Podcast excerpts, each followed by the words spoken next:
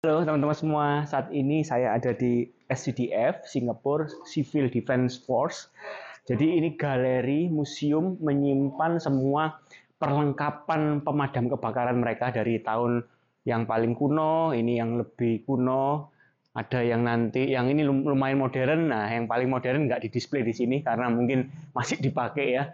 Nah, yang menarik ini ada kejadian di Bukit Hosui ini suatu fenomena yang terjadi.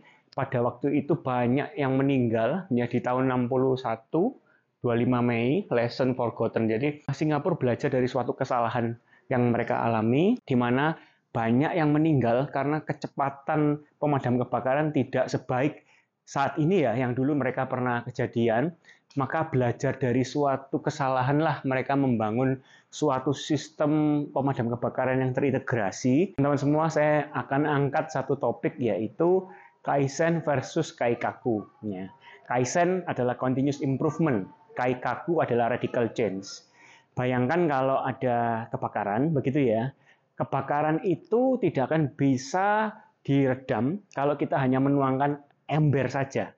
Ya, itu disebut kaizen, continuous improvement. Tidak akan pernah selesai karena kebakarnya begitu hebat.